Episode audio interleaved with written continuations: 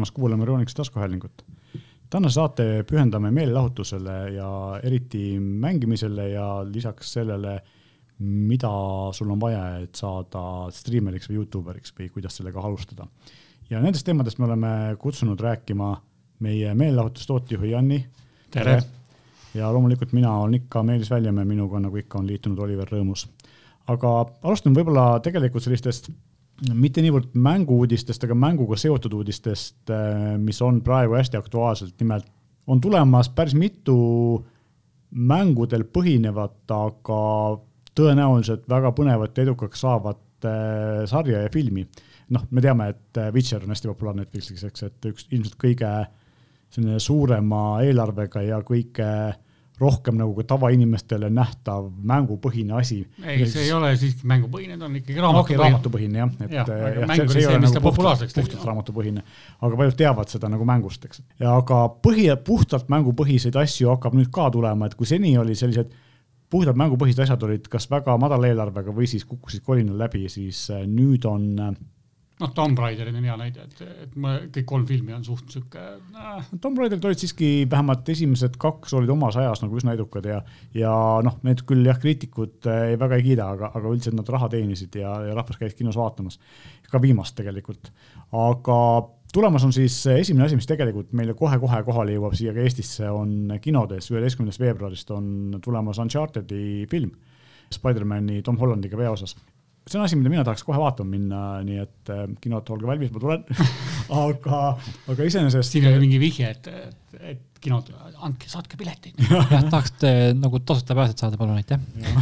aga tegelikult on see, et, et tegemist on siis, noh, Uncharted on Playstationi peal, kas ta algas PlayStation kolme peal juba äkki? PS3 peal oli esimesed kolm osa, neljas oli siis PS4 ja siis see spin-off, mis on nii-öelda osade tegelastega, see Lost Legacy oli ka PS4 omal ja nüüd tuli siis neli ja, ja siis see Lost Legacy tuli eraldi PS5 nagu rivast versioon tuli ka. tegemist on välja. sellise seiklusmänguga, mis tegelikult ongi oma nagu olemuselt või oma sisult veits sarnane Tomb Raideri või, või Indiana pigem, Jonesi. pigem või... Indiana Jones, et Tomb Raiderist selline... on rohkem, Tomb Raideris on nagu rohkem nagu siukest action'it, ta pigem Just. on nagu siuke Indiana Jonesilik, et. siuke kerge seiklus ja mäng, mäng on ise väga hea, et ta on hästi mängitav ja selline, sellepärast ta on ka hästi populaarne, et äh, seda on väga edukalt. Storyline'id on väga head. just, ja noh, kuna storyline on hea, siis see tegelikult ju ongi see, miks on sellest hea teha filmi või võib-olla tulevikus ka sari, eks ole, sest materjali on päris palju, kuigi noh, kui nüüd, kus suure eelarvega film on tegelikult valmis, siis tõenäoliselt nad lihtsalt teevad sinna mitu osa otsa, kui see edukaks osutub ja ma ei näe põhjust, miks see peaks edukas olema, näitlejad on juba sellised, et juba nende pärast minnakse vaatama, eks ole. no saame näha. just noh, Tom Holland ja Mark Wahlberg ja, ja muud sellised väga-väga tippklassi näitlejad. see film on siis äh, nüüd, nagu ma ütlesin, üheteistkümnendal veebruaril meie kinodesse tulemas ja ma kujutan ette, et see saab üsna edukaks olema, et ilmselt siin selle kevade kõige edukam film Äh, kinodes ei, võiks arvata? ei tea, Spider-man on suure tõenäosusega väga raske nagu läbi. nojah, Spider-man oli pigem ikkagi juba vist eelmine aasta või olnud. oli küll jah, aga noh, ta on ikkagi praegusel hetkel kinoelatavate tipus, et no,, et selles suhtes läheb keeruliseks. ükskõik kumba te eelistate, Tom Holland on mõlemas see, seda küll. aga, ja teine asi, mis tuleb märtsis, aga me ei tea veel, kuidas me Eestis neid, seda näeme, on siis äh, väga palju äh, armastust pälvinud Halo äh, sarja, mängusarjal põhinev filmisari, äh, telesari, mitte filmisari. aga kumb, sina, Meelis, tead nagu Halost nagu hästi palju, et, et kumb oli enne, kas raamatud või oli mäng enne? mäng oli enne. Halo tegelikult tehti alguses, äkki kas oli Bungi, ilmselt oligi Bungi, Bungi tegi nagu selle, tegi selle üldse Macile ja siis mingil põhjusel see ebaõnnestus ja siis nad tegid selle Xbox'ile ja pärast seda tuli ta välja siis nii-öelda remaster'ina arvutil, eks ole, Combat Evolved oli siis arvutiversiooni nimi, mida mina olen päris mitu korda algusest lõpuni läbi mänginud, üks väheseid mänge. Storyline, see Bungi mäng storyline oli kõvasti kui... parem kui see, mis ta nüüd on, kolm neli kolm stuudios või? just, minule kui ulmefännile on Halo saaga kogu aeg väga meeldinud just äh, samamoodi story pärast, et see on üks väheseid mänge, millel see story on nagu väga selline, vähemalt alguses oli esimesed kaks-kolm osa, kui Bungi seda veel arendas, oli väga äh, konkreetne ja said väga läbimõeldud äh, etapid ja tegelased, kujud ja need olid nagu sellised. ta oli siuke shooter'i kohta hästi sügav story. hästi sügav story, just nimelt. ja, ja sellepärast tegelikult äh, on ka sellest mängust kirjutatud enne juba, kui ta sarjaks tehti, väga mitmeid raamatuid, mis nüüd on edukaks osutunud ja tegelikult kirjutatakse siiamaani ja nüüd, kus äh, siis seda mängu arendab tegelikult siis äh, teine stuudio, kolm neli kolm Industries, eks ole, äh, on nad siiamaani suutnud nagu olla hästi edukad ja just äh, siin sügisel tuli välja aastas hilinemise küll Halo Infinite, mis äh, novembris pigem, no ütleme talvel, et Mis noh on-, Halo viis oli no, mitte just kõige parem äh, osa sellest kogu kolm neli kolm industry just ja siis peale Halo viit tegelikult ju hakatigi kartma, et äkki ongi läbi, et et Halo saaga Nad näitasid ju tegelikult seda Infinity äh, nii-öelda seda esimest demo näitasid juba mingi üle aasta tagasi, aga Just. Kuna fännid kõik tõstsid suurt kisa, et siis kräpiti kõik asi ära ja tehti nagu uus. noh, tegelikult ju seal oligi, pigem oligi see, et alguses taheti see välja tuua koos uue Xbox'iga, eks ole, Series One'iga, siis äh, Series X-iga. Series X-iga, mul on nimetus segamini, siis äh, kuna ta ei saanud õigel ajal valmis, eks ole, siis tehti ta kõvasti ümber ja nüüd äh, aasta hiljem on ta olemas ja ta on väga-väga hea. kiidetakse, eriti ise, multiplayer- ise ei ole mänginud, mul Xbox'i ei ole ja, ja Gamepassi, millega arvuti saaks mängida, mul ka ei ole. tegelikult pole ka piisavalt head arvutit, aga tegelikult ma tegelikult tahaks seda mängida, et see on, on selline asi, mis mind paelub ja Halo sari, millest me nägime esimest treilerit eh, nüüd sel nädalal treiler tundub üsna hea, kuigi siin tulihingelised fännid juba räägivad, et seal ikkagi tundub, et osad tegelaskujud ei ole need, kes mängus ja ja liiga palju asju näidatakse juba liiga vara ära, et mida see tähendab, kas tegelikult see ei tulegi pikk sari ja lõpptulemus on tegelikult see, et me täpselt sama asja nägime näiteks äh, Foundationi sarjaga või, või kasvõi Witcheriga, et see on nagu, sari ei saa teha samamoodi nagu mängu, eks ole, seal peab olema esiteks see, et, et sarjast peavad aru saama ja see peab huvi pakkuma ka nendele inimestele, kes kunagi pole seda mängu mänginud, kes kunagi ei kavatse seda mängu mängida, siis peab äh, no on laia publikut. see on nii-öelda selle Witcheri nagu üks suuremaid miinused, et, et ta nii-öelda ei seleta sulle nagu sellest maailmast mitte midagi, ta viskab sind tundmatus kohas vette, et näed, siin on nüüd see nõidur, tema nüüd tapab mingeid kolle ja nii on. et ta ei seleta nagu seda stau- tausta story't eriti üldse, et see oli nagu Warcrafti filmi nagu see suur probleem ka, et, et taustsüsteemi nagu ei ei nii-öelda räägita inimestele, kes, tavainimene, kes vaatama tuleb, kes ei tea Warcraftist mitte midagi. et eh, ma loodan, et see Halo on ka, et see mind isegi nagu ei morjenda, kui ta läheb mingi timeline'i või, või mingi story'ga läheb üldse, üldse omas suunas, et pigem ma ootaks just seda, et oleks nagu hea.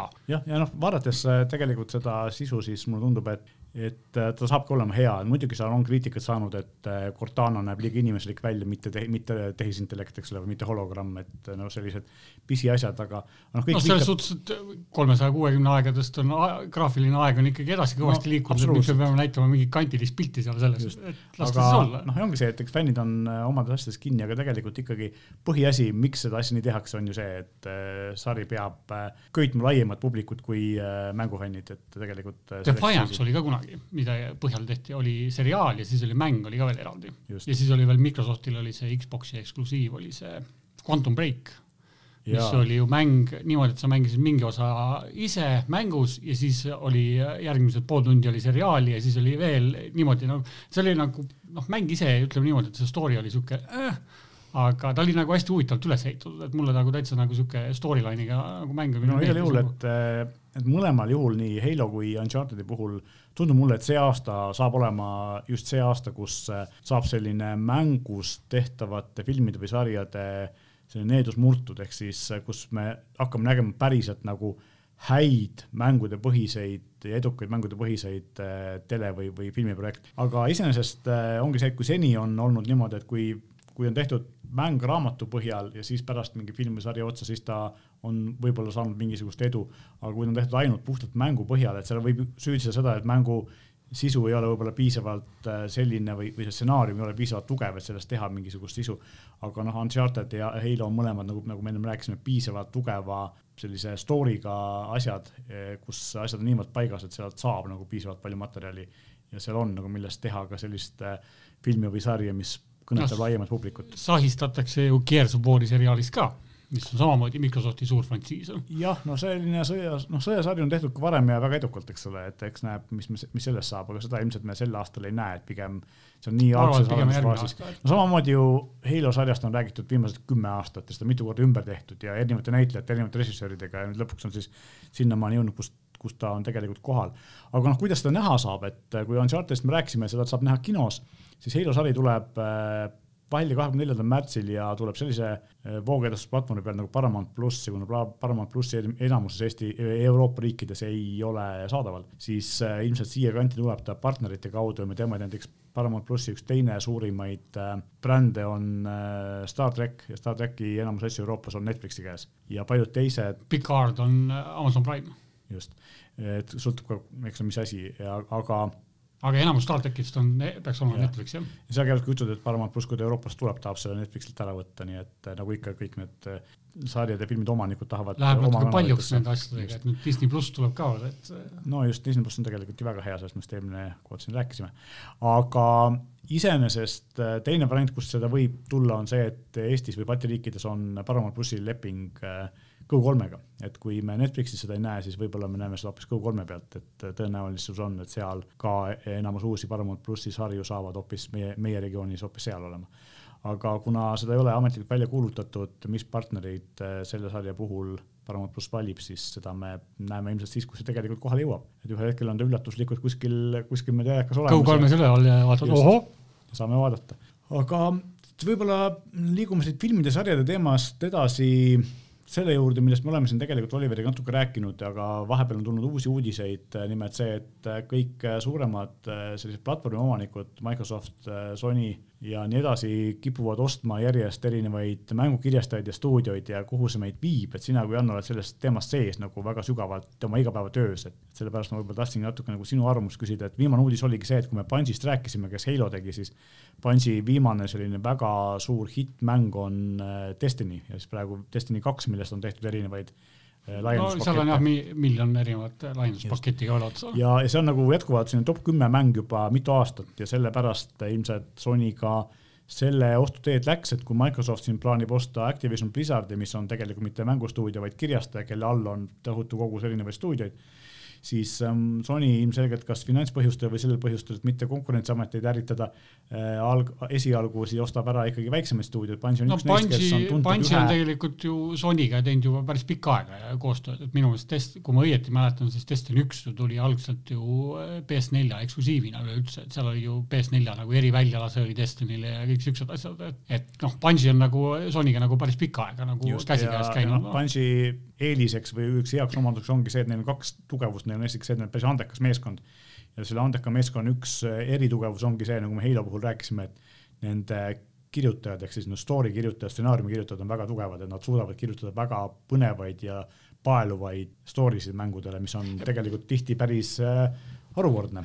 põnevaks läheb, noh, Activision, kui nüüd see diil nagu lõplikult nagu läbi läheb, siis selles suhtes on Gamepassi omanikele on rõõmu rohkem kui rubla eest, ütleme nii, et Gamepassi tulevad ju kõik Activisioni kuulsad mängud nagu Crash Bandicoot, Blizzardi mängudest ma ei hakka üldse rääkima, Diablo't, Call of Duty ja nii edasi, et Ja Call of Duty on veel eriti selline võtmeküsimus, et mis sellest sarjast edasi saab, siis Sony jaoks võib-olla see ongi üks asi, miks tegelikult Sony selle Bungi ost-, ostu peale läks, et Call of Duty ja Destiny on kaks sellist võrreldavalt populaarset mängusarja, et mõlemad alati top kümnes figureerinud aastaid, eks ole, et noh, et ja siin ongi see, et kui kui üks teooria, miks Sony Bungi ostis, ongi see, et, et Sony tahab endale ka ühte sellist äh, mängu eh, siis mä, sellist mängu, sellist mängusarja, mis oleks olemas ka konkureerivatele platvormidele, millest nagu finantsraha tuleks neile.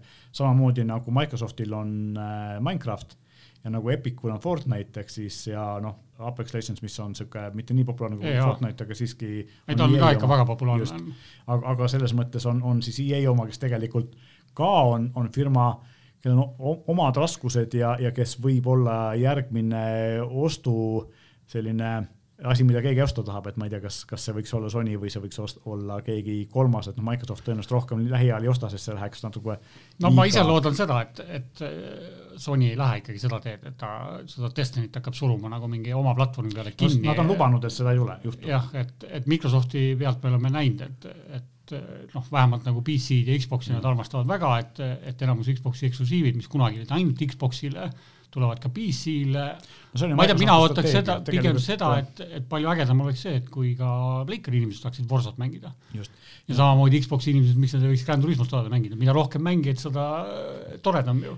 tegelikult oleks ju huvitav, kui äh, Xbox Gamepass tuleks ka Playstationile või Switch'ile, aga, aga seal on muidugi ilmselt omad legaalsed probleemid, aga samas jah, ma arvan, et ta enne tuleb Switch'ile kui Playcarile, samas ei tea, kunagi ei tea. noh, Nintendo on ka natukene ilmselt mõnes mõttes äh, poliitiliselt vähem sõltuv või selles mõttes neid, neid neil on nagu vähem sellist, kuna nende enda mängud on piisavalt tugevad, et neil ei ole vaja karta seda, et sealt mingi raha ära läheb, eks ole, et Mariot mängitakse ikka ja Zeldat ja, ja Pokemoni eriti, eks. no Mario ja Zelda on ikkagi maailma suurimad mängufrantsiisid üleüldse, et Microsofti Halod ja need ei saa sinna ligi lähedalegi. peagi, peagi me jõuame ka äh, Nintendoni, aga vahepeal äh, sellel teemal veel räägime sellest, et et noh, tegelikult mulle tundub see, et üks asi on halb see, et ostetakse järjest stuudiod ja tekib selline konsolideerumine ja valikut läheb vähemaks aga siin tegelikult võib tekkida ka vastupidine efekt, et nendest äh, suurtest aeg-ajalt lähevad ikka stuudiod lähevad pankrotti, pannakse kinni või, või mõni vaadatakse, et oh, et siit, siit saab lõigata ja, ja laseme, anname selle mängu tegemise mingile teisele stuudiole, kes meil juba olemas on ja paneme selle ühe kuskil mujal linnas oleva asja kinni, siis tegelikult need äh, nüüd alles jäänud andekad inimesed on reeglina teinud alati oma mingi järgmise stuudiot, võib-olla sealt hakkab tulema just sellist sellist nii-öelda äraminekut või sellist vaba annet, kes, kes oskab midagi iseseisvalt midagi ägedat teha. selles suhtes viimastel aastatel on ikkagi tegelikult nagu väga häid indie-mänge tulnud, mis ongi nagu siukse väikeste stuudiote poolt tehtud, äh, mingeid suuri rahastajaid seal ei ole, isegi noh, kasutavad ju vaata Kickstarterit ja siukseid asju, et, et tegelikult nagu indie-mänge on nagu väga palju häid tulnud et.... no tegelikult, kui me indie-mängudest ja headest indie-mängudest räägime, siis äh, loomulikult me ei saa jätta mainimata, et Zaum, äh, kes on Eesti juurtega Londoni tegelikult Eesti poolt tehtud mängu nimi mul ei tule praegu meelde. Disco Elysium. just, kes on ju, Disco Elysium oli, eks Eesti poiss tehtud mäng oli ju ka siin eelmise aasta lõpus Switchi top äh, nimekirjas, nii et nad on ikka väga kaugele jõudnud oma oma arendustega, et esimene Eesti stuudio minu teada, kes on nii kaugele jõudnud. noh, siin on veel on näiteid, aga nad on nagu enamus on mänge on tehtud teisigi, eks ole, aga selliseid ja. päris nagu konsooli või arvuti tasemel mänge, mängudest on see esimene. et noh, tahaks loota, et Eestis tuleb ka edaspidi häid ja tugevaid mänge, et me ei pea olema kehvemad kui soomlased, kellel on väga palju häid asju, eks ole, ma ei räägi siin Angry Birdsist, mis on ka muidugi fenomen, aga, aga Alan Wake ja, ja siin teisi. Alan Wake'ist tuleb ju äh, uus osa, nii et. ehk siis näha. Äh, Soome, Soome mängustuudiod on meist veel praegu ees, aga, aga loodetavasti me jõuame ka sinna järgi mingil hetkel. aga mis sa arvad, äh, kui me rääkisime siin Xbox Gamepassist ja sellest, mida Sony teeb ja kindlasti Sony teeb ka, noh, käivad ju kuulujutud, et neil on plaan panna äh, siis oma streaming teenus PlayStation äh, Now. Now ja PlayStation pluss siis selline püsikliendi platvorm kokku ja teha sellist, midagi sellist Xbox Gamepassi sarnast, et. see oleks minu arust jumala äge. oleks tagumine aeg, eks. mul on täpselt see, et nagu Playcar kolm on ainult sellepärast alles, et mul on veel paar Playcar kolme mängu, mis on mängimata ja ma hoian ühte kolakat endal riiuli peal lihtsalt alles, et ma hea meelega nagu äh, müüks selle ära, kusjuures see on veel see esimene fat versioon, mis mängib ka PS2 rauas et selles suhtes. haruldane. saab vist juba hunniku pinda. nojah, aga ma hea meelega nagu müüks selle kellelegi kollektsionäärile maha, sest täiesti töökorras konsool ja mängiks hea meelega nagu oma Playcar viie peal nii-öelda vanu PS3 mänge, et Playcar viie riistvara peaks olema piisavalt võimas, et eh, suudaks nagu mingit emulaatorit või seda juba tassida. no tegelikult peaks jah eh, sellest ma tahan ka sinuga varsti rääkida PS5 võimsusest, aga enne me, ma küsin su käest seda, et mis sa arvad, eh, kui me just räägime sellest Microsofti Activisioni ostmisest, sellest, et Xbox Gamepassi tuleb palju mänge juurde, kui palju see võiks hinda mõjutada, palju me, palju sina oleks nõus selle eest maksma, enne kui sa ütled, et ei, et, et nad hakkavad kasutajaid kaotama, kui hind liiga palju tõuseb? no praegu mina olen nagu see Gamepass Ultimate'i kasutaja, mis on siis Gamepass Xbox'ile, Gamepass PC-le ja Gold Membership, et ma Xbox'i peal saaksin äh, online'is mängida, noh. ja mul on kuumakse vist on, on üksteist naela. Et ideeliselt tegelikult arvestades seda, et milline mängu library mul kasutuses on, mul on Xbox'i peal hunnikus mänge pluss PC peal ma arvan, et kui selle eest peaks kuus näiteks maksma kakskümmend viis euri, ei oleks ka midagi väga hullu. aga ma ei usu, et Microsoft väga palju seda hinda tõstab, et maksimum võib-olla ta ongi võib-olla viieteist naela peale. no eks seal kuskil ongi tegelikult see nii-öelda arvutuslik piir, et kust, mis hetkest Netflixil on seesama probleem, kui nad kogu aeg hinda tõstavad, mis hetkest on see, et koguda vähem raha rohkematelt inimestelt või rohkem raha vähematelt inimestelt, et, et kumb siis nagu tegelikult lõpuks see raha hunnik suurem on. et vaadates, kui palju tegelikult neid Gamepassi kasutajaid on, et neid on ikkagi väga palju, et Just. Äh, ma arvan, mikro, noh, Microsoftil on muidugi eeli, suur eelis Sony ees on see ka, et neil on ju tegelikult see tarkvaratööstus on ikka meeletult suur, et nad Just. Äh, kühveldavad sealt seda raha nagu no hunnikute viisi. ja nad võivad sellega ka miinuses olla, kui nad tahavad, eks ja mängudega siis. ja noh, teine asi muidugi see, et, et neil on ka see pilvemängurluse selline know-how on, on parem kui Sonyl kindlasti, eks Sonyl endal ju selline. suur platvorm on ikka väga võimas. just, sest minu teada on ka Sonyl mingi leping Microsoftiga suuri kasutamiseks mingite Sony teenuste jaoks, nii et. vist nad midagi seal teevad jah koos, et noh, mina ootaks pigem, ongi täpselt see, et, et okei okay,, et ta võib ju viisteist või kakskümmend eurot maksta, aga võiks olla mingi ühine teenus, et mul ei ole nagu, nagu praegu PC peal, okei okay,, ma saan nüüd Betesta launcher'ist saan lahti ja Blizzard launcher'ist suure tõenäosusega ka aga sellegipoolest neid launcher'eid on juba No alguses nagu miljon tükki, palju, et et siis ongi, aa nüüd selle mängu jaoks ma pean nüüd selle launcher'i käima panema ja selle mängu jaoks mida mängida ma pean selle käima panema, et see on nagu siuke tüütuks läheb, et ta võiks olla See- nagu on siukene ebameeldiv tõesti. ühine süsteem, et, et oleks nagu siuke natuke kompaktsem, et sama on ju tegelikult nende filmi, filmi streaming teenustega ka, et mul on nagu Apple TV, Netflix ja Amazon Prime, et nüüd, kui veel Disney pluss tuleb ka, et siis tuleb see ka veel juurde, et siis on mul juba neli tegelikult erinevat asja. telleritootjad ja, ja selliste erinevate streaming box'i tootjad üritavad ju kogu aeg teha seda, et äh, sul on nagu üks selline koduvaade nii-öelda ja siis sa paned otsingusse, et ma tahan nüüd vaadata seda filmi ja siis ta tuleb sulle ette sõltumata sellest, mis platvormi peal on, kui sul on selle konkreetse platvormi äpi tellimus olemas. aga seda ka paljud ei taha, et Netflix tahab ikkagi, et sa läheksid kõigepealt sinna Netflixi interface'i mm., näeksid, mida nemad pakuvad, mitte seda siis, et oleks see kuskil esiekraanil.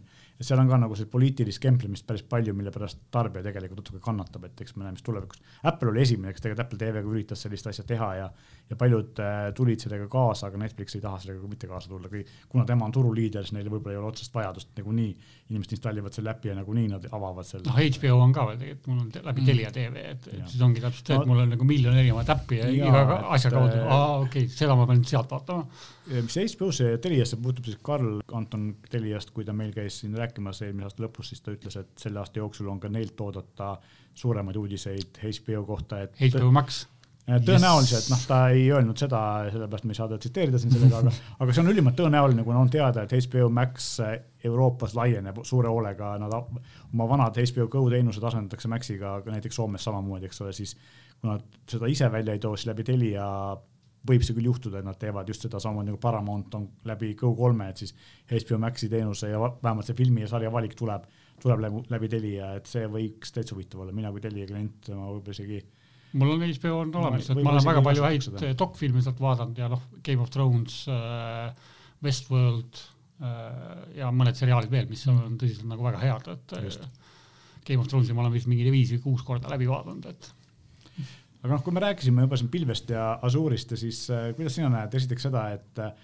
et kui palju selline kuumaksuline teenus võtab ära sellist üksikuna müüdavate mängude turgu või te, mõjutab seda mängude hinda, sest praegu on ikkagi see, et üks asi on see, et kas sa maksad viisteist eurot kuus, teine asi on see, et sa maksad seal praegu vist juba seitsekümmend eurot uue mängu eest, eks ole, mis äh, tegelikult on. noh, see mängu hinnatõus, noh, see oli paratamatu, et äh, olgem ausad, et üle kümne aasta on äh, mänguhinnad on nagu ühesugused kogu aeg olnud, et, et noh, arvestades seda, et kui suur on olnud inflatsioon, et see oli, see oli nagu no tegelikult paratamatu siin ei ole ju ainult ka inflatsioon, vaid mängud on läinud järjest keerulisemaks, nende ja need on kalli, hästi väga kallis toota, et sest tänapäeval ikkagi ju noh, näitlejad loevad tekste, näitlejad äh, teevad äh, liigut-, liigutusi, mis pärast siis arvutis äh, eks, tegelaseks eks need streaming teenused või siis Gamepass need kindlasti mõjutavad mängumüüki, aga noh, samas no paljud uued mängud nagu EA, mingi Fifad ja need, et neid ostetakse ikka edasi, selles suhtes ja kollektsionäärid jäävad alles, kes tahavad ikkagi seda karpi sinna riiulile, et mis sest, et nad võib-olla seda mängi-, mängivad läbi Gamepassi, aga näed, mul peab see karp riiuli peal olemas olema see on. samamoodi nagu muusika ostmisel, eks ole, et sa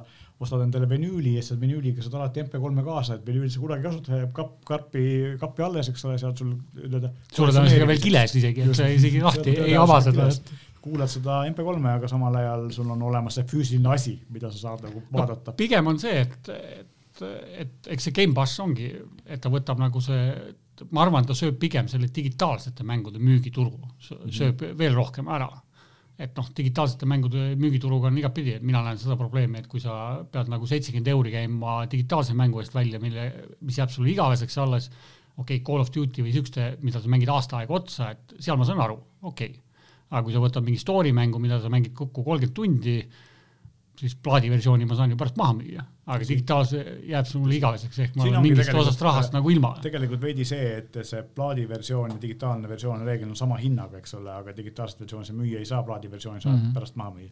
aga praegu vist on päris tihti on ka noh, tegelikult plaat kui selline hakkab tegelikult ju põhimõtteliselt ära kaduma, eks ole, sa ostad selle karbi ja karbis on sul reeglina kood allalaadimiseks, tegelikult sul väga palju plaati enam ei ole. üheksakümmend viis protsenti on ikkagi Plaadiga. plaadiga jah okay., et mõned tavaliselt on nagu siuksed mingid indie-mängud või lisapaketid või mingid siuksed asjad on koodi kujul siis kaasas, et kui tehakse näiteks, ma ei tea, mingile mängule uus lisapakett, see siis antakse No nagu koodi kujul või midagi taolist. tootjad peavad arvestama sellega, et igal pool ei ole hea internet kiire ja mõne- no mõnes kohtas jah, see on nagu suur Ameerikas on ka see, probleem. et ka, ka kaabliga internet on mahupiiranguga, mida meie mm -hmm. ette kujutada ei oska, eks ole, et meil oleks sada giga oleks Telial või, või Elisal mahupiirang, eks ole. sellepärast ma kardan näiteks seda PS5 seda Gran Turismo viite või, või Horizon Zero Dawni, et kui seal mängu suurused hakkavad seal saja viiekümne gigane, et siis on noh, jah, see on jälle head tõmbamist. nagu vanasti, et sul on kümme plaati. Ja isegi mina mäletan seda aega, kui sai Black Dahliat mängida, millel oli kaheksa CD-d. noh, seda aega ma, mängudes ma seda nii, nii palju seda ei tea, aga ma mäletan seda, et kunagi sai küll Windows üheksakümmend viit ins- installitud, kus oli kolmkümmend kaks plopit, nendest kolm olid tavaliselt vigased. ARJ-iga pakitud kolme flopiga toodud mingeid mänge ja nii edasi, nii edasi, nii edasi, et äh, aga eh, kuidas sina, mida sina näed või arvad eh, sellistest eh, nii-öelda pilveteenuste pakkujate katsetest tulla mängumaailma, et noh, Google Stadia on kõige kuulsam, eks ole, aga, aga Facebookil on mingisugune gaming osa, millest ma aru ei saa, miks neil see on ja kusjuures räägitakse või siis Metal eh, uue nimega. räägitakse ka seda, et tegelikult ka Activision alguses eh, proovis ennast müüa just eh, Metale. kui Metal ütles, et ei, meil ei ole teiega midagi peale hakata, siis järgmine kandidaat oli noh, Microsoft. meta on pigem on ju vaata, ta on nii tugevalt suunitletud ennast virtuaalreaalsusesse, mis on nagu hoopis teine maailm, edukas on Oculus Quest on ikkagi üks, üks parimaid nagu VR headset üldse, ma vaatasin siin meie eelmise aasta eh, sellist müügitoppi ja, ja ma olin nagu täiesti üle, ma ei olnud üllatunud, et seal oli kõrgel kohal PlayStation viis, kuigi me ei saanud neid nii palju müüa, kui me oleks soovinud ja meie kliendid siiamaani ootavad, et osta saaks. aga, aga Oculus Quest oli seal nii kõrgel kohal, et ma täiesti nagu noh, ei, ei, os, osanud oodata, et selline asi saab olla nii populaarne. noh, kunagi oli vaata probleemiks oligi see, et, et VR headset, kui me võtame mingid Riftid ja need, et need tahtsid ikkagi saada väga võimast masinat ja sul pidi olema arvuti kodus, sa pidid kõik asjad ära tegema, aga Oculus Quest kaks on ju nii lihtne, et eh, teed endale konto, paned prillid ette ja anna tuld. Ja. ja seal on nagu hästi palju nagu siukseid lihtsaid mänge, mis on tegelikult hästi kaasaaravad, alustades Beat Saberist. PC peal on väga hea.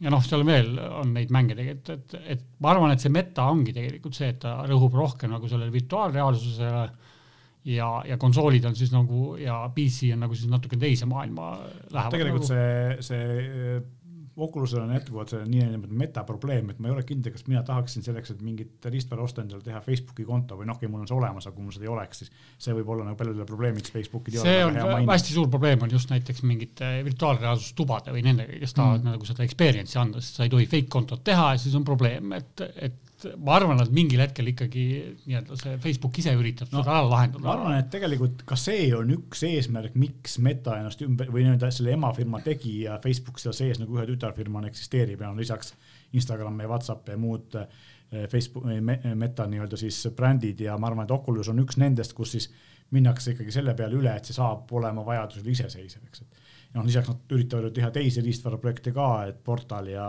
ja muud sellised asjad on neil olemas, mis, mis on nii-öelda noh, Google Stadiast, noh, sellest ei ole mõtet üldse rääkida, et see on nagu sihuke, mina ei tea, mida see Google mõtles omadega no,, aga see on ikkagi suht ikkagi üks, üks arvamus on see, et Stadia mõte oligi see, et pakkuda nii-öelda tegelikult sellist taustateenust teistele suurtele stuudiotele, näiteks Activisionile, mis nüüd praeguseks ei ole enam mõte, sest et Microsoftil on oma platvorm olemas, aga kui seni nad iseseisvad olid, et siis pakkuda nagu seda, et näete, kui te tahate striimida mänge, siis te ei pea ise ehitama seda, vaid meie saame no streamingul on see üks, üks probleem on, et see sõltub nii tugevalt nagu Neti serverite serverite asukohast, kus kohas need serverid on, kus sa seda mängu mängid ja pluss siis sinu enda internetiühendusest.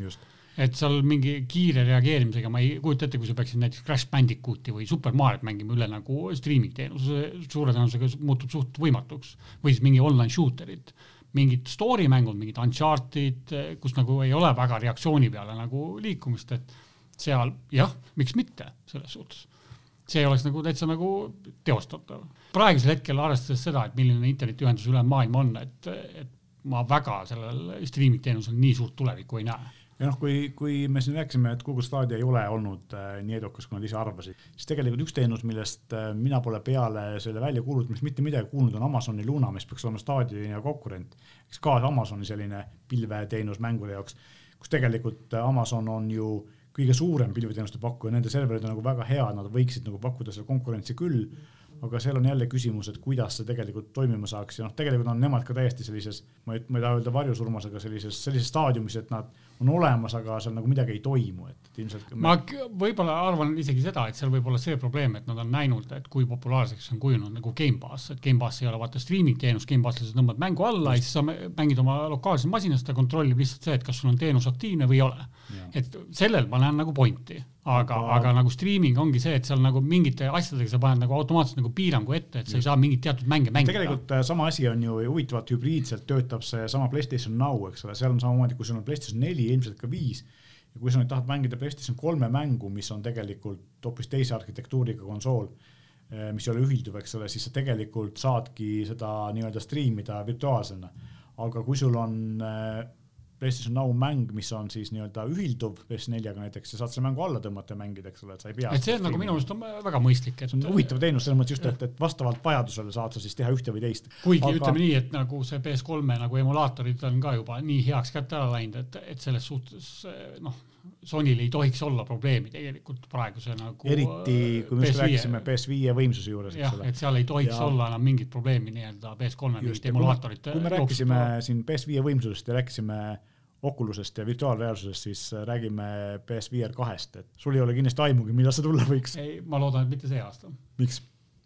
Tehke oma konsoolitarned kõigepealt korda, siis räägime PSVR-ist ühesõnaga, kui konsooli pole, siis sa ei saa ju seda ka osta, sul pole seda kuskile panna. noh, see ongi, et ma arvan, et seal tekib seesama probleem, mis PS5-ga on praegusel hetkel, et sul näpuotsaga jagatakse, näpuotsaga saad müüa, järelturg on hindade poolest täiesti kohutav ja siis ongi lõppkokkuvõttes see, et, et noh, milleks sa teed seda, et tehke pigem see, et nagu konsoolitarned on korras, enamus inimesed saavad seda poest juba vabalt ostmas käia ja siis tulge selle VSVR kahega nagu turule alles, mitte see, et te annate nagu kaks nagu defitsiitset seadet korraga välja. sellega ma olen nõus, aga, aga iseenesest on, on ka see, et ma, ma olen lugenud mingeid täiesti müstilisi numbreid, ega Sony väga palju ise ei ole veel avaldanud selle kohta, eks ole, aga aga üks mingisugune ekraani või display tootja, kes väidetavalt teeb PSVR-il nüüd Oled ekraane, olevat öelnud, et neli korda suurem resolutsioon kui VR ühel, et see on ikkagi nagu päris. no VR üks oli ju äh, kümme kaheksakümmend B jagada kahega. et, et noh, saame näha selles suhtes, et no, me... Playcar viiel peaks olema piisavalt nagu võimu, aga noh, sa päris 4K-d kummagi silmale suure tõenäosusega no, nagu tegelikult on kaks jaksa, asja aga..., me siin tegelikult Oliveriga üks päev ühes saates rääkisime sellest, et kaks asja, mis tegelikult on PSVR-i jaoks oluline, üks on see, et see resolutsioon oleks piisavalt selline, et ta ei oleks selline äh, võrgustik või pikside jaoks näha, nagu on VR ühel, et see oleks kvalitatiivne hüpe edasi ja teine asi on see, et nad suudaksid ka stabiilset üheksakümmend või sada kakskümmend hertsi sagedust anda, sest see on põhiasi, mis inimeste südame pahaks ajab VR mängudes on see, et sagedus on liiga kehv, eks ole et need on no, need kaks asja, mida. palju oleneb muidugi sellest ka, et, et milliseid mänge sinna välja hakatakse andma, et Oculus'e nagu suureks eeliseks on see, et Oculus'e see library on ikkagi väga suureks läinud mm. ja seal on väga palju häid mänge. siin on ka huvitav, et Sony kunagi ütles, et, et nad PS5 kõik mängud hakkavad vaikimisi toetama ka virtuaalreaalsust, aga siiamaani tegelikult see nii ei ole, et see Horizon on ju spetsiaalne versioon, mis VR2-l tuleb, on esimene mäng, mis neil tuleb ja, ja tegelikult teiste kohta pole nagu midagi kuulda olnud. sest et noh, Playcar nelja nagu VR-il oli mõned üksikud nagu väga head mängud, aga enamus olid ikka täpselt see, sihuke keitsid õlgu, ütlesid nojah. aga vaata, üks põhjus, miks võib juhtuda, et äh, VR2 tuleb varem välja, kui sa arvad, on see, et kui need komponendid on täiesti erinevad ja kui nüüd on neil on natuke saada neid asju, mida VR2 jaoks vaja on, siis nad saavad äh, olemasolevate Playstationi kasutajate käest sellegi raha kätte, et kui nad konsooli saab müüa, saab midagi müüa. Pigem mina arvan noh, oleneb kõik puhtalt nendest mängudest, et mis mängud sinna nagu konkreetselt nagu välja kuulutatakse, et mida sa siis lõppkokkuvõttes sellega mängida saad ja kui ta on veel tagasiühilduv ka, see oleks väga hea okay.. Ja... et ta näiteks upscale ib sul esimese PSVR-i mänge nagu äh, graafiliselt nagu ilusamaks, teeb nagu need ääred nagu siledamaks, et äh, noh, Resident Evil seitsme mängiks VR-is hea meelega uuesti läbi. see oli Just. nagu väga fantastiline mäng, et välja arvatud lõpp, lõpp oli, läks käest ära neile aga räägime siia otsa natuke ka Nintendost, et täna oli huvitav uudis, et äh, Switchi müük on nüüd ületanud Wii müügi ja Wii oli omal ajal ju meeletult edukas. mis tähendab seda, et Switch on ikkagi, kas Switch on selle äh, Switch on nüüd kõigi aegade Nintendo kõige edukam konsool. DS. no okei okay,, me räägime siis. Hand, handheld'id eh, vastu veel ei saa, et seal üksinda DS, DSi versiooni on mingi sada nelikümmend miljonit vist müüdud okay. kokku, et, et ma arvan, et see on ainult mingi paari aasta küsimus, kui ta läheb eh, põhimõtteliselt kõigist konsoolidest no,. tegelikult ega me ju, ega me ei näe ju, jah, ega me ei näe ju tegelikult Switchi nii-öelda edu lõppu kuskil, sest et ta on niivõrd hea konsool siiamaani, et ta tegelikult moraalselt ei vanane veel aastaid, eks ole. noh, ainuke ongi see, et Nintendo'l piisab see, et teeme parema ekraani, suurem resolutsioon, natukene võimsam riistvara, kasutab vähem äh, akuressurssi ehk pikem akuiga ja voilà, palun, siin on teile Switch kaks mm. või Switch Pro või noh. just, aga see ei tähenda, et see nii-öelda klassikaline vana Switch, millest nüüd on tehtud siis see Oled ekraaniga versioon, natuke suurema ekraaniga, tegelikult põhimõtteliselt sisult sama konsool. et tege-, ega see võib olla edukas veel nagu siin paar aastat kindlasti eriti jõuline. no selles suhtes, et kui sa vaatad ju DS-i, et kui kaua DS oli turul, et esimene oli ju suht nagu sihuke noh, need ekraanid olid väikesed ja väga viletsa resolutsiooni ja heletuse ja kõige sellega tehti parem versioon, siis tehti järgmine versioon ja järgmine versioon ja jälle järgmine versioon. ja noh, siin kiibikriisi valguses võib öelda seda, et kuigi ka Nintendo pidi oma eelmise aasta Switchi müükide ennustatavat kogust omajagu vähendama, siis tegelikult nad müüsid ikkagi eelmise aasta jooksul peaaegu kaks peaaegu kolm korda rohkem konsoole kui Sony PlayStation viite, nii et väga-väga äh, hästi. ka meil oli kõige populaarsem konsool. aga selles mõttes, et, et tegelikult äh, Switch on selles mõttes hea konsool, et, et ta sobib nagu kogu perele, eks ole, et, et sul seal on action mänge, seal on väga väikestele lastele sobivaid mänge, seal on kõigile kogu pere mänge, mida saad mängida kuuekesi, kaheksakesi, kui tarvis, eks ole, et selles mõttes on ta ikkagi väga universaalne asi. minu meelest parim konsool praegu. just, no rääkimata sellest, et sa saad võtta ta kaasa igale poole, kui tahad, tahad äh, nii-öelda äh, kaasa võttes rongis või lennukis bussi peal mängimiseks ja, ja samal ajal ühendada telekaga ja nautida kogu perega, et, et sellist, äh, noh, tegelikult teistel ju sellist asja ei ole pakkuda. välja arvatud võib-olla üks asi, mis võib tulla Steam nüüd, Steam Deck jah. no seal on ka pigem küsimus jälle täpselt see, et seda näeme ka nagu müügil nagu kuuvarjutus nagu PS5-e, et kuskilt kuuled, et aa, oli jälle või no selge. aga see on huvitav, et, et mina ütleks seda, et äh, Valve'il Steam Decki tegijal võib-olla oleks aeg äh, natukene ka saada sellist riistvara edu, sest et neil eelmised projektid, mis on neil olnud, on olnud huvitavad, aga ükski pole väga edukas olnud, see Steam Controller oli üks ja siis Steam Machines, nende, spetsiaalselt nende jaoks tehtud arvutid olid ka kunagi, kumbki neist ei olnud edukas, aga, aga Steam Deckil ilmselt on potentsiaali päriselt no neid olla. tegelikult on veel ju neid tootjaid, kes teevad nagu midagi taolist. no jah, no neid nii-öelda taskuarvuteid, tootjaid on palju, aga Steam'i eripäraks on ikka esiteks see, et neil on äh, oma interface, mis on lihtne kõigile, ta ei, ta ei ole Windows, eks ole, ta ei ole nagu klassikaline arvuti. Ja teiseks see, et neil on sidemed ikkagi mängutootjatega, et mängutootjad on nõus oma mängud sinna peale lihtsalt tooma, eks ole, et see on nagu kaks asja, mis, mis selle võivad edukaks teha, aga. saame näha, kõik just... oleneb muidugi sellest hinnaklassist ja sellest, et kas ta suudab nagu Switch'iga nagu võistelda, et noh, selles suhtes aga... Nintendo mängud jäävad ikkagi nagu natuke teistsuguseks, natuke eriliseks et.... räägime natuke ka sellest, mis siin äh, mängufänne, mäng, mängijaid äh, ees ootab selle aasta. Playstationil tuleb, tundub, tulevad suur aasta hoolimata sellest, et konsoole pole eriti. no kaks suurt mängu tulevad kohe järjest ju ikkagi. uus Horizon, eks ole. Horizon Forbidden West mis peaks kohe-kohe saabuma, on juba eeltellitav, eks? ja, ja ammu juba eeltellitatud, et enamus äh, nii-öelda need special edition'id on kõik juba kahjuks läbi müüdud, kõik kogused, mis me saame, et nüüd no, äh, Regala edition'it äh, tuli natukene juurde, et äh, aga noh, kauaks sedagi jätkub, et äh, noh, tavaversiooni saab tellida, ei ole probleemi. ja, ja välja saabub ta mis kuupäeval? kaheksateist null kaks oli vist. ühesõnaga paari nädala pärast paari nädala pärast juba ja ma just lõpetan ise esimest osa, nii et. Äh, kui te selle olete ära mänginud, siis järgmine asi või noh, kui teile selline äh, seikluslipi mäng ei meeldi ja tahate rohkem rallit, siis äh, või autoga sõita Gran Turismo seitse, mis on väga-väga kaua oodatud, eks ole, et millal viimane Gran Turismo oli üldse, päris mitu aastat tagasi? Gran Turismo sport ma ei tea, see on mingi viis aastat tagasi vist. no PS5 peal ei ole Gran Turismot olnud, eks nii et. noh, PS5 peal saad PS4 Gran Turismot mängida selles suhtes. aga PS... sellist, mis suudaks PS5 võimsusest nii-öelda. eile oli ju Playstationi State of Play, kus näidati seda Gran Turismot, et seal mõned feature'id, mis on sisse toodud, on minu jaoks täpselt sihuke, et keetsid õlgu ja mõtlesin, et meh, miks neid on vaja automängu, et aga noh, võib-olla mõned inimesed tahavad. aga on ilus? on, väga kena näeb välja. kui siiani nagu peetakse, peetakse siis Xbox'i konkurenti Forsat hästi ilusaks, eks ole, siis. Äh, saame näha, ma arvan, et jah. Äh, Gran Turismo seitse kindlasti annab väga suurt konkurentsi Forsa. no kindlasti esiteks on uuem mäng, eks ole. väga kena mäng jääb välja. mis veel on tulemas? oh, neid mänge on päris palju, muidugi meie pooltel nagu ei tea ju ühtegi release date'i ega midagi. päris tihti palju lükatakse ka edasi, et siin just äh, lugesin, et Justice League lükatakse edasi Warneri poolt, et et seda veel see aasta me ei näe, tuleb kaks tuhat kakskümmend kolm, aga märtsis tuleb meil, suht märtsi algus kohe tuleb ju, või mitte märtsi, vaid veebruari algus tuleb Dying Light kaks, mida on samamoodi vist mingi kaks aastat juba oodatud, noh, mis seal veel oli. GTA viiest räägitakse midagi, mis on no jah, nagu selline mäng, mis kunagi ei kustu ei aegu. et GTA viie nii-öelda PS5 ja Series X-i versioonid peaks siis tulema märtsis, seda ei ole muidugi, Take-Two Interactive pole mitte mingit moodi kinnitanud, aga noh, kuskil midagi ikkagi on nähtud, et vist midagi tuleb. see on iseenesest huvitav, et, et GTA-st ei ole tulemas nagu midagi uut või järgmist, vaid sedasama vana asja nagu uues-kuues üritatakse nagu noh, pakkuda. kui sul on niisugune rahapada käes, siis miks mitte, selles noh, suhtes, GTA kuus tuleb siis aastal kaks tuhat kakskümmend kuus äkki, võib-olla. võib-olla. siis nad kuulutavad välja, et nad teevad seda. aga noh, iseenesest suure tõenäosusega nad teevad tegelikult seda juba praegu. Nad kindlasti teevad.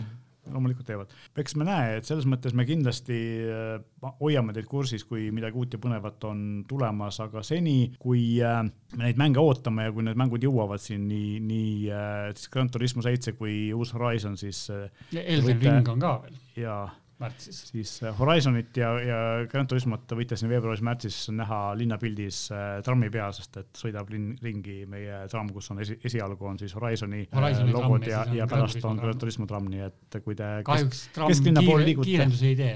jah, et sama kiiresti kui päris Gran Turismo sa sõita ei saa, aga, aga ju. ilus ja põnev on sellegipoolest, nii et minge tutvuge meie PlayStationi mängude värvides trammidega. aga siinkohal võib-olla lõpetaks selle mänguteema ära ja läheks hoopis teise teema juurde, mis on see, et väga palju tahetakse tänapäeval saada kas striimeriks või Youtuberiks ja vaatame natuke Bloogeriks. otsa, kuna, või bloogeriks. kuna Jan on, sina oled selles maailmas nagu aktiivselt tegus olnud seitse aastat vist juba. just ja Oliver on meil ka selline video ja, ja muu sellise sotsiaalmeediaga väga sina peal olev inimene, siis teie kahekesi saate ilmselt äh, nõu anda, et kuidas, kuidas seda teha või kuidas sellega alustada. esimene asi on see, et väga paljudel äh, väga noortel on, on äh, nagu see soov, et kui ma saan suureks, ma hakkan Youtuberiks ja, ja aga tahaks olla just. Seal võib seda öelda kohe, et, et Eesti tingimustes, kui te tahate nagu hakata selles mõttes, kui see, see, kui te, see saab teil tööks või te soovite, et see oleks teie töö, siis seal on kaks asja, et esimene asi on see, et seda ei saa teha, meie riik on nii väike, et ainult Eesti turule, sest et selleks, et Mm. sellega nagu elatist teenida, peab seda tegema rahvusvaheliselt, eks tõenäoliselt inglise keeles või kui te räägite vene keeles, vene keeles. ja teine asi on see, et seda peab siis tegema järjepidevalt ja, ja väga hingega, sest et väga palju oleneb ka äh, sisust, et noh, striimerite seas on lihtne näha, et, et kuidas üritatakse, et tullakse populaarse mänguga mingi, kas League of Legends, Dota, Dota või, või CS, et ma nüüd hakkan seda mängima, see on hästi popp mäng, kõik vaatavad seda, aga sa pead millegiga ju tegelikult teistest nagu suurtest striimeritest erinema, miks need inimesed peaksid Mm. sinu juurde vaatama noh, tulema siin ongi kaks asja, üks asi ongi see, et järjepidevuseks, kui sa hakkad mingi asjaga nagu populaarselt koguma, siis sa pead nagu sellega jätkuma, et sa jätkama, sa ei saa nagu mõelda, et oh, et ma rohkem ei viitsi, ma lähen nagu hoopis teist teed, sest et sellega sa kaotad oma vaateid. ja teine asi on see jah, et, et sa pead arvestama sellega, et sul peab olema midagi unikaalset, midagi sellist, miks sind tahetakse vaadata, et neid äh, mängustriimereid on piisavalt palju ja ei, no on hästi palju on, et seal ongi see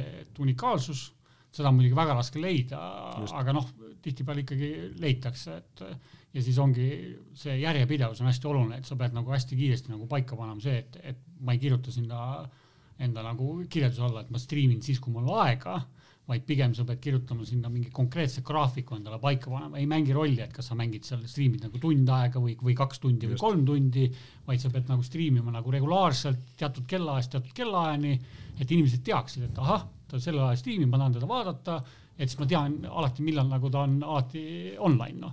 et see on nagu hästi oluline, et see, see regulaarsus, et ja, ja ühtlasi loomulikult ka see, eks ole, et ongi see distsipliin peab olema, sa pead nagu tegema seda, seda asja nagu järjepidevalt, pidevalt ja korrektselt, muidu juhtub see, et sa lihtsalt kaotad oma jälgijaid ja, ja siis sa ei jõua. ja hästi oluline on muidugi see ka, et alati peab sul endal lõbus olema, see ei tohi olla kohustus. Just. Siis on, ongi siis on väga tegelikult raske raske, raske tasakaal, kuidas seda leida, eks ole. aga räägime siis tegelikult võib-olla tehnikast, et okei okay,, et see, kui me oleme kindlaks teinud, et ma tahan nüüd striimida seda mängu või teha Youtube'is mingit sellist tüüpi videoid, siis äh, vahet pole, või Tiktokis, kus iganes äh,, TikTok on võib-olla lihtsam, et no, lühemas formaadis ja sa ei pea nii palju vaeva nägema.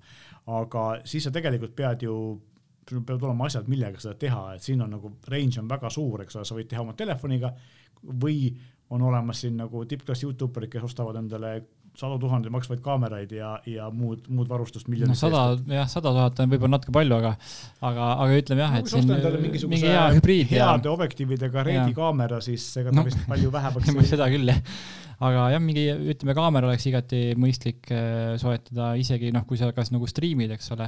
ma arvan, see pildi kvaliteet on vist palju parem kui lihtsalt mingi webcam'iga lasta, seda ma ei tea. väga, väga, noh, webcam'i suur miinus on see, et kuna tal see, see ava on nii pisike, seda valgust tuleb nii vähe sinna sisse, et see pilt jääb ikkagi siukseks nagu häguseks, kuigi striimi puhul nagu see pilt ei olegi nii oluline. jaa, täpselt, et noh, kui ütleme jah, et ikka mingi hea kaamera võiks olla, mikrofon ka tegelikult, et see heli ju tegelikult inimesed kuulavad, mis sa nagu räägid, et eh, heli peab olema väga kvaliteetne, hea see on minu meelest on kogu striimingu, vähemalt nagu mängu striimingi juures on üks kõige olulisemaid mm -hmm. asju on mikrofon. mikrofon, jah. mikrofon peab sul olemas olema. seda ei tasu teha mingisuguse telefoni kõrvaklappidega, eks ole, et see. jah, et, nagu et kui, kui keegi sealt aru ei saa, mida sa nagu konkreetselt -hmm. räägid ja, ja sa räägid kõlalt nagu et, kuskilt teki alt või, või meie, see, see ei ole hea. Nagu ära, meie, meie näiteks valikus on ju legendaarsed Blue mikrofonid, eks ole, mis on tegelikult väga sellised äh, striimimiseks väga head ja, ja tegelikult ka, ka Youtube'i tegemiseks, kuigi äh, kui sa oled nagu selline stuudio kvaliteedi üritad teha Youtube'i, kus on hea kaamera ja siis tegelikult peaks võtma ka hea mikrofoni, võib-olla mingi hea puldi, et seesama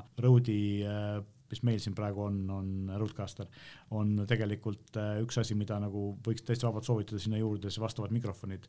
eks see palju oleneb ju sinu rahakoti paksusest ka, et no,. Blue'ga saab alustada tegelikult täiesti vabalt, et kui. Blue eeliseks ongi see, et kuna ta on nagu sihuke teada-tuntud bränd, ta nii-öelda mikrofonid on väga kvaliteetsed, aga seal ongi see hinna range on nagu Just. see, et sa saad mhm. juba alustada tegelikult ju äh, kuuekümne viiest eurost, see Snowball Ice Mm -hmm. ja siis, kui tahad juba paremat, siis saad minna juba sinna kas Yeti, Yeti Pro X äh, ja nii edasi. huvitavad nimed, kõik on nagu millegi väga külma maaga seotud, et nagu, nagu meil hakkas välja vaadates, et nii Snowgo Ice kui, või Yetiks võib ka muutuda. või, või kui sulle Blue ei meeldi, siis on alati võimalus valida ka ju äh, Rode. Rode on nagu vana ja väga hea tuntud nagu mikrofonitootja, et, et ta küll nagu keskendub rohkem nagu stuudiomikritele mm, -hmm. aga ka meil kasutusel olevad Procasterid ei on ju tegelikult ka suunatud rohkem ikkagi äh, podcast'ide ja siukeste asjade tegemiseks. just, ja noh, tegelikult kui sa tahad alustada ja võib-olla proovida ja ei ole kindel, kas sa tahad sellega pikalt tegeleda, siis äh, on ka selliseid lihtsamaid alternatiive, Trusti mikrofonid ja, ja muud. Trusti mikrofonid on ka väga, väga korraliku kvaliteediga tegelikult ja, ja seal on samamoodi see hinnarange on ikkagi suht äärest ääreni, et saad tegelikult täitsa viisaka mikrofoni, saad juba täitsa mõistliku raha eest. noh ja klappidega on ju, või selles mõttes samamoodi, et enamus mängurid kasutavad mingisugust mängu, mänguriklappe, millel on siis mikrofon sisse ehitatud ja millega saad äh, rääkida oma mm. tiimiliikmetega või kellega sa räägid. aga nendega on reeglina see, et mikrofoni kvaliteet ei ole ikkagi päris see, mis päris nagu nii-öelda kõne jaoks mõeldud või podcast'ide või, või sellise stuudiotöö jaoks mõeldud mikrofonid, et seal on küll, ta on okei okay,, aga, aga see kvaliteet jääb, on parem kui mingitel tavalistel telefoniklappidel, aga, aga ta jääb ikkagi, eks ole, alla sellele, mis on, mis on nagu siis eraldi mikrofonidel, et sellega peab ka arvestama. aga mida sina muidu mänguriklappidest nagu soovitaks, tänapäeval vist enamasti kiputakse ostma ikka juhtmevabasid klappe, JBL-i mm HyperX, mis on eriti hea no,. HyperX on hästi populaarne, et see on muidugi nagu mängumaailmas väga suur nimi, noh, mina isiklikult ise eelistan äh, Logitechi toodangut, et Pro X-id on nagu väga head klapid. Mikker küll ei ole wireless versioonil maailma kõige parem, aga mul on selle jaoks olemas Blue Yeti Pro X, et hmm.. no siin on tegelikult ka see wireless mikrite maailm on ka selles mõttes just nagu keeruline, et, et kui mikrofon ise isegi on päris hea kvaliteediga, siis päris tihti juhtub see, et et, selleks, et see saada võimalikult vähese läägiga siis mikrofonist arvutisse või sellesse masinast vastu võtab, siis üritatakse heli võimalikult palju kokku pakkida ja sealt tekib neid pakkimis. see Pro X-i nagu see wired versioon, et selle mikker oli üks parimaid, mida ma nagu proovinud olen tänu sellele Blue tehnoloogiale. tahtsin just öelda, selle on ju Blue mikro, eks ole. jah, aga see wireless versioon, et see oli ikkagi suht kohutav oli, et seda ma ei soovitaks kasutada mitte mingit moodi, et see on, see jääb ikka alla igasugust arvestust. noh, ühesõnaga soodsa hinnaga mudelitest on ikkagi nagu HyperX on, on tegelikult HyperX, nagu noh, Logitechil on ka tegelikult ja äh, just, ja noh, meie selline lipulaev, keda meie suht eksklusiivselt müüme, eks ju, JBL Quantum seeria, millel on tegelikult tulnud siin paar uut mudelit, kolmsada viiskümmend wireless ja. kuussada kümme tuli nüüd ja kaheksasada kümme tuleb veel ja. kuussada kümmet ma tegelikult mõtlesingi, et äh, tegelikult on tulnud nagu uusi mudeleid, mis on teinud selle, kuna JBL on seal mänguriklappide turul väga uus tegija, siis esimene oli selline, küll nad on päris palju eeltööd teinud ja päris hea tulemusega, siis nüüd nagu nad uute mudelitega parandavad neid asju, mis on siis tagasisidena klientide käest saadud, et, et nad lähevad järjest paremaks, et sellel kolmesaja viiekümnel on tegelikult alla saja euro juures päris hea juhtmevaba süsteem ja samamoodi on aku kestvus kõvasti paremaks tehtud, et, et siin nagu on, on asju, mis on, on, lähevad paremaks, aga üks asi, millest mina väga palju ei tea, sina tead palju, on äh, see, et äh, siis capture kaardid ja, ja Elgato ja noh, see kui tootja ja sellised asjad, mida, mida sinna juurde vaadata, mis teevad selle elu lihtsamaks, no ilma capture kaardita sa ei striimi nagunii, eks ole. striimid selles aga... suhtes, et eh, eeldab muidugi võimast arvutit, kui sa striimid arvuti peal, siis capture card ei ole vajalik. capture sa. card'i on sul vaja siis, kui sa tahad näiteks eh, kas konsooli pilti sinna suunata või tahad kasutada veebikaamerana näiteks eh, oma, ma ei tea, hübriidkaamerat, mm. peegelkaamerat või seda, et et noh, seal on muidugi võimalus on see, et kas ostad mingi capture card'i või ostad selle Camlink Pro, mis on mõeldud ainult nagu kaamera pildi vastuvõtmiseks, et okay. et mina ise kasutan Panasonicu GH4 mm -hmm. peegelkaamerat veebikaamerana nagu ja noh, seal pildi kvaliteedi vahe on tegelikult nagu ka hästi palju kasutatakse just nagu selliseid, kas siis äh, väikseid äh, kompaktkaabeleid nagu äh, Sony RX äh, seeriat või, või ka Panasonicu sarnased või siis just juba, juba isegi tegelikult Sony Alphat või selliseid, millel on siis liikuv ekraan või mingi lisaekraan, sa saad nagu nii-öelda selfie mode'ida panna, et saad ennast näha, mismoodi seda filmid. Juba nagu korraliku objektiiviga, eriti noh, kui me räägime siin sellistest hübriidkaameratest Sony Alphast või, või Panasonicu vastavates kaamerates, millel on tegelikult vahetatud objektiivid, sa saad nagu osta objektiivi ette, mis mm. täpselt sellele kaugusele sobib, eks ole, et portree. aga noh, sellest kõigest on nagu vähe kasu, kui sul, kui sa istud kuskil kottpimedas ruumis. et äh, tegelikult väga, väga nagu suur asi on ka kindlasti mingi valgus, on ju. Mhm. et mingisugune, ma ei tea, mingi LED-lamp sulle näkku ja noh, juba on nagu parem, on ju tegelikult on neil äh, valikus nüüd päris palju ka valgust. jah, et seal on valgusega on ka see eripära, et ei piisa sellest, et ma panen toas -hmm. tule põlema, kuna see on soe valgus ehk siis kollane, siis see moonutab pilti ja teeb siukest hästi kollakaks jälle, et siis tegelikult on nagu vaja kasutada nagu vähe professionaalsemat valgust mm -hmm. ehk siis külma valgust ehk valget valgust. et see teeb selle pildi natukene nagu teravamaks ja ilusamaks, et, et isegi veebikaga suudab siis ta näidata nagu mm -hmm. täitsa viisakat pilti juba. et valgustus on ka hästi oluline selles suhtes, et ta ei ole küll niimoodi, et sa pead ostma nüüd mingisuguse professionaalse mm -hmm. mingi fototehnika endale koju. et Elgato valikus on tegelikult väga viisakad hinnaga need lambid olemas mm, -hmm. kus sa saad ise seda tugevust isegi määrata, see, et, et mitu luumenini see valgus on, et. timmer nagu on ikka vahel jah no ja lisaks, eks ole, äh, lampidele ja, ja siis capture kaartile on Elgatol ju ka green screen olemas, eks ole, roheline ekraan, mida sa saad. Green screen'id, oh jumal, Elgatol on see line-up on ikka väga-väga suur ja lai, et, et capture kaardidest rääkides, siis card ongi vast oluline see, kui sa tahad mingit konsoolimängu mängida ja seda striimida siis või siis noh, professionaalsed striimerid kasutavad nii-öelda seda dual PC süsteemi, et üks PC on nagu lahjem, mis on siis see, mis selle pildi edastab ja capture card võtab siis selle sinu gaming mašiinist, võtab selle pildi nagu sisse ja su suunab selle nagu edasi. seal vist ongi see, eks ole, et kui sa eh, mängiva arvutiga samal ajal seda capture'it teed, siis ta võtab mingi osa ressurssi ära, eks ole, see on see, kuigi tänapäeval siin uuemate AMD Inteli protsessorite puhul on see, seal on nii palju tuumasid, et kõiki mängud ei oska ära kasutada, et siis saab suunata ühe või teise peale, eks ole. no mina oma Intel i7, i7 seitse tuhat seitsesada K ja kümme kaheksakümmend Ti saan enamus PC mängude striimimisega isegi hakkama, et ma pean küll nagu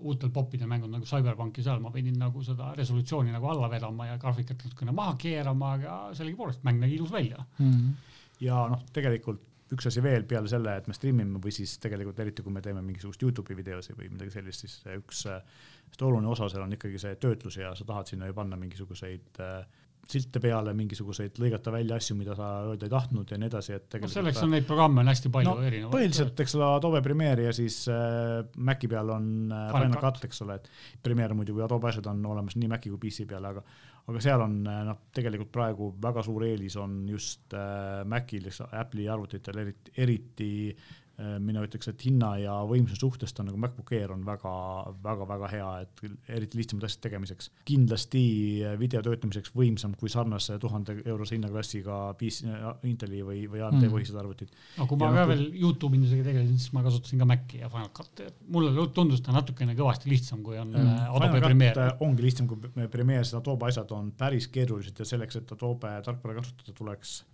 noh, võtab Youtube'i vaadata üle mingisuguse tutorial'i, Adobe'l endal on päris palju tutorial'e ja mulle meeldib näiteks selline Youtube'i kanal nagu Bring Your Own Laptop, kus on hästi palju erinevate Adobe siis. noh, Youtube'is ennast leiab tarkvara... hästi palju õpetusi, et Just. kuidas mingeid asju teha, et kuidas, kuidas nagu green screen'iga ära kaotada enda seljatagust ja, ja kuidas green screen'i üldse nagu õigesti üles sättida, et hmm., et sul ei tekiks neid artefakte sinna ekraanile ja see valgustus ja kõik see oleks õige, et. no üldiselt on jah, Youtube'is hästi palju infot selle kohta, kuidas sellist asja üldse midagi teha, et hmm. vahet pole, kas, kuidas vahetada autoratast. kuidas või... sokke jalga panna näiteks kõike, kõike leiab see. et isegi striimingu äh, kohta on hästi palju infot, et, et kuidas nagu mikri mingid filtrid paika panna mm., et kui sul on näiteks mehaaniline klaver, et siis see mehaanilise klaveri klõbin ei kostaks sul mikrisse sisse ja yeah.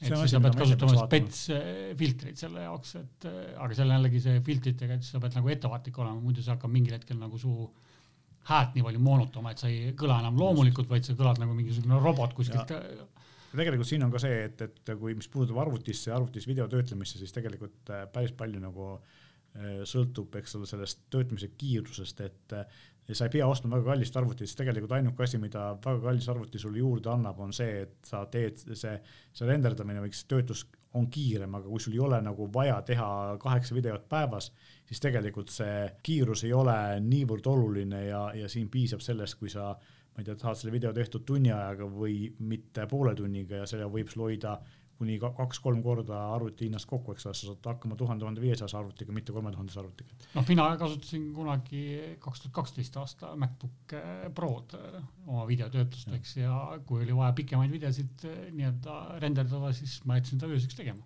las ta vaikselt nokitseb seal. siin on. ma siis sel ajal ei kasuta oma arvutit, et just, saab ju rahulikult äh, nokitada. siin on tegelikult äh, ikkagi asi, millest me oleme tegelikult siin ka varem rääkinud, aga uute M1 kiipidega mm. Macide eelised, et äh, üks asi on see, et ta on kiirem äh, video töötlemisel kui sarnased Inteliga masinad ja, või AMD protsessoritega, teine asi on see, et aku kestab kõvasti rohkem, nii et kui sul pead seda tegema kuskil mingil üritusel niimoodi, et sa ei saa juhet seina pista, siis on täiesti vabalt võimalik selle ära teha aku pealt niimoodi, et see aku peal kestab pärast päris kaua, et ei ole. No juba fi isegi filmi vaatamine ju võtab väga palju ressurssi, et kui sa saad seal üheksa tundi nagu mingi 4K formaadis nagu filmi jooksutada ilma mingisuguse probleemita mm, -hmm. siis see aku on ikkagi väga hea. no tegelikult seal ongi ka see, et äh, ei ole mitte ainult aku hea, vaid ongi see, et M1 kiip või tegelikult see ei ole ainult nagu Apple'i eripära, kuigi Apple on sealt teinud ka väga suuri edusamme, aga, aga teistel on see, et äh, nii-öelda riistvaraline video dekodeerimine ehk siis see, et ta suudab seda videot mängida ka 4K videot niimoodi, et tegelikult protsessorit eriti ei kurna, see paar-kolm protsenti võib-olla on see protsessori kasutus. see on asi, millega viimase mõne paari-kolme aasta jooksul on kõvasti edusamme tehtud, et eh, enam video vaatamine tegelikult ei võta praktiliselt üldse akut, ainuke asi, mis selle akut võtab, on see, et ekraan töötab, eks ole, mida eredamas valgus sa oled, seda eredam sul ekraan on, seda rohkem akut võtab. aga see videotöötlus kui selline või siis video nagu näitamine ei võta tänapäeval uutel arvutitel, eriti M1-l praktiliselt üldse akut, et ainuke asi, mille peale aku läheb, on siis ekraani valgustus. et see on tegelikult väga sõidusamm, et kunagi oli jah see aeg, kus tuli, kui tuli see H265 ehk siis äh, kõige viimane videokoodek, ma mäletan, siis äh, ikkagi kõige tavalisem arvuti ei suutnudki seda mängida, eks ole, vähe võimsamad arvutid suutsid, aga aku oli kümne minutiga tühi, eks ole, et seda. lisaks oli ventilaator laasiga. et seda häda praegu ei ole ja tegelikult ega see hakkaski sellistest mobiilsustest, mobiilsetest süsteemidest pihta, et tegelikult ka M1 on ju äh, Apple'i iPhone'is, iPadis olev A-seeria arvutite edasiarendus või kiipide edasiarendus natuke võimsam ja kuna sinna saab panna jahutuse, siis saab ka natuke rohkem võimsust sinna sealt välja pumbata. aga tegelikult oli kunagi aeg, kus mina näiteks äh, suutsin äh, Samsungi telefonis töödelda videot äh, Cyberlinki videotöötluse äpiga kõvasti kiiremini kui sama asja päris võimsa arvutiga, nii et, et noh, selles mõttes see mm. mobiilile, mobiiliprotsesside optimeerimine videotöötlusele oli kõvasti ees äh, tavalistest klassikalisest arvutitest mm. -hmm. praeguseks on see vahe ära kadunud, aga, aga vahepeal see on naljakas, et, et selline pisike telefon tegi asja kiiremini kui, kui suur ja võimas arvuti, et see, seda oli nagu kummaline vaadata. selles suhtes, kui me tuleme siin selle striimingu selle juurde tagasi, et siis äh, nii-öelda see tehnika osa ongi täpselt see, et, et et alguses, kui sa alustad, sa ei pea ostma endale kõike, et sul mm. ei ole vaja mingit Elgato hirmkallist äh, äh, green screen'i, Stream Decki, kõike seda, et sa saad seda kõike hakata jooksvalt nagu juurde teha no,. Nad teevad nagu su elu teevad lihtsamaks striimerina, eriti Stream Deck näiteks, sa saad hästi palju makrosid, asju seal Just. sisse kirjutada, ilma et sa peaksid hiirega midagi tegema aga see ei ole nagu essential, sa ei pea seda nagu Just. kohe endale muretsema, et oluline on sul see, et, et sul oleks nagu piisavalt võimas arvuti, piisavalt äh, nii-öelda enam-vähem ok veebikaamera, hea mikker klapid ja tegelikult sul rohkem, noh mm., internetiühendus ka yeah see on tänapäeval Eestis vist täiesti üsna probleemivaba enamus kohtades. no mõned maakohad ikkagi on, aga tegelikult saab ka mobiilse internetiga. Kuna mina Nõmme elanikuna pidin päris pikka aega kasutama mobiilset 4G mm. interneti striimimiseks, siis sai hakkama väga hästi, töötas muidugi. Need Eesti operaatorid on selle koha pealt tegelikult üsna, üsna edumeelsed, aga, aga et kui me võtame selle kokku, siis tegelikult esimene asi on see, et, et sul peab olema midagi öelda ja sul peab olema distsipliini ja seda pikalt teha, et isegi siis, kui sul ei ole striimis ühtegi vaatajat, sa pead seda tegema, et sul oleks nagu, tekiks esiteks harjumus, tekiks vilumus ja, ja see, et sa, sul on nagu, sa oled nagu kindel või selles mõttes, et sinu peale saab loota. õpi iseendaga rääkima. Et kui sul ei ole ühtegi vaatajat, siis sa pead kogu aeg iseendaga rääkima, et kui keegi sind kogemata vaatama juhtub, siis ta näeb, et sa nagu midagi teed ja sa hakkad nagu vait. inimestega suhtlema, mitte see, et nagu sa oled nagu vait nagu sukk. mitte ühtegi sõna ei ütle, siis keegi tuleb vaatama, et aa nojah, siin on vaikus. ehk siis ole ise, iseenda parim sõber. jah, see on nagu striimimise alguse osas on väga oluline, et, et hiljem siis, kui tuleb sul juba nagu kümme-viisteist vaatajat, siis hakkab see jutt nagu jooksma mm., siis need vaatajad nagu engage ivad sinuga, et sa hakkad nagu nendega Just, suhtlema ja ükskõik, mis pidi sa nagu oma karjääri plaanid, et kas sa tahad olla striimer YouTube või Youtuber või Tiktoker, siis tegelikult oluline on see, et vahet pole, mis asjaga sa teed, sa võid teha seda ka hästi vana telefoniga. kui sul on midagi öelda, kui sa oled naljakas ja, ja, ja si sind tahetakse mm. vaadata, siis äh, tegelikult ei huvita kedagi see, mis kvaliteediga see on no,, sisu on tähtis. ja sa võid teha ülihea kvaliteediga asju, aga kui sul ei ole midagi öelda või su sisu on igav, siis ei vaata seda nagunii mitte keegi. et sisu on tähtis, tehnika on teisejärguline kui teil on head tehnikat vaja, siis meil on asjad kõik olemas, nii et tulge ja, ja vaadake üle, anname nõu. mitte ainult e-poodi, meil on ka olemas füüsilised poodi poodides, see just selles mõttes, et, et poodides meil on olemas, noh, tegelikult ka e-poes saab nõu küsida, meil on chat ja, ja telefoninumbrid ja nii edasi.